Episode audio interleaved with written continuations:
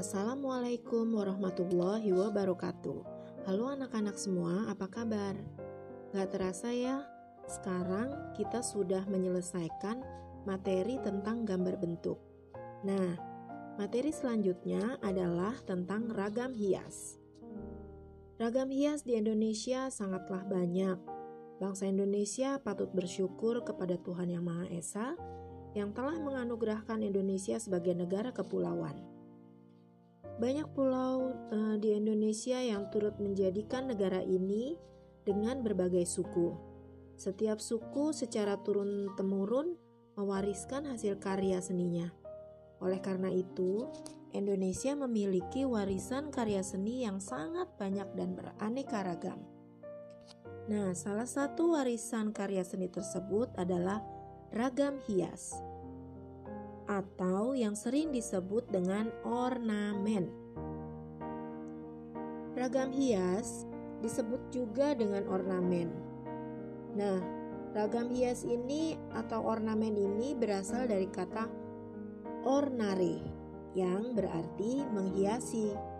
Jadi, ragam hias merupakan salah satu karya seni rupa yang sengaja dibuat untuk tujuan sebagai hiasan pada suatu produk, agar produk tersebut terlihat menjadi lebih indah dan bermakna. Ragam hias juga dapat digunakan sebagai identitas atau ciri khas suatu daerah loh. Misalnya, ragam hias dari Papua, ragam hias dari Kalimantan, ragam hias dari Sulawesi, dan dari berbagai daerah lainnya.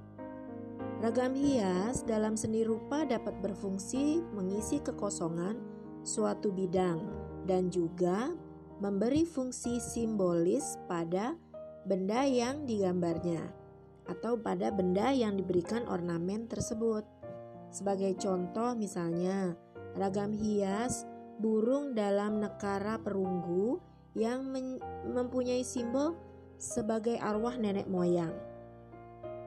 Maka sudah pasti ragam hias tersebut memiliki usia yang cukup lama.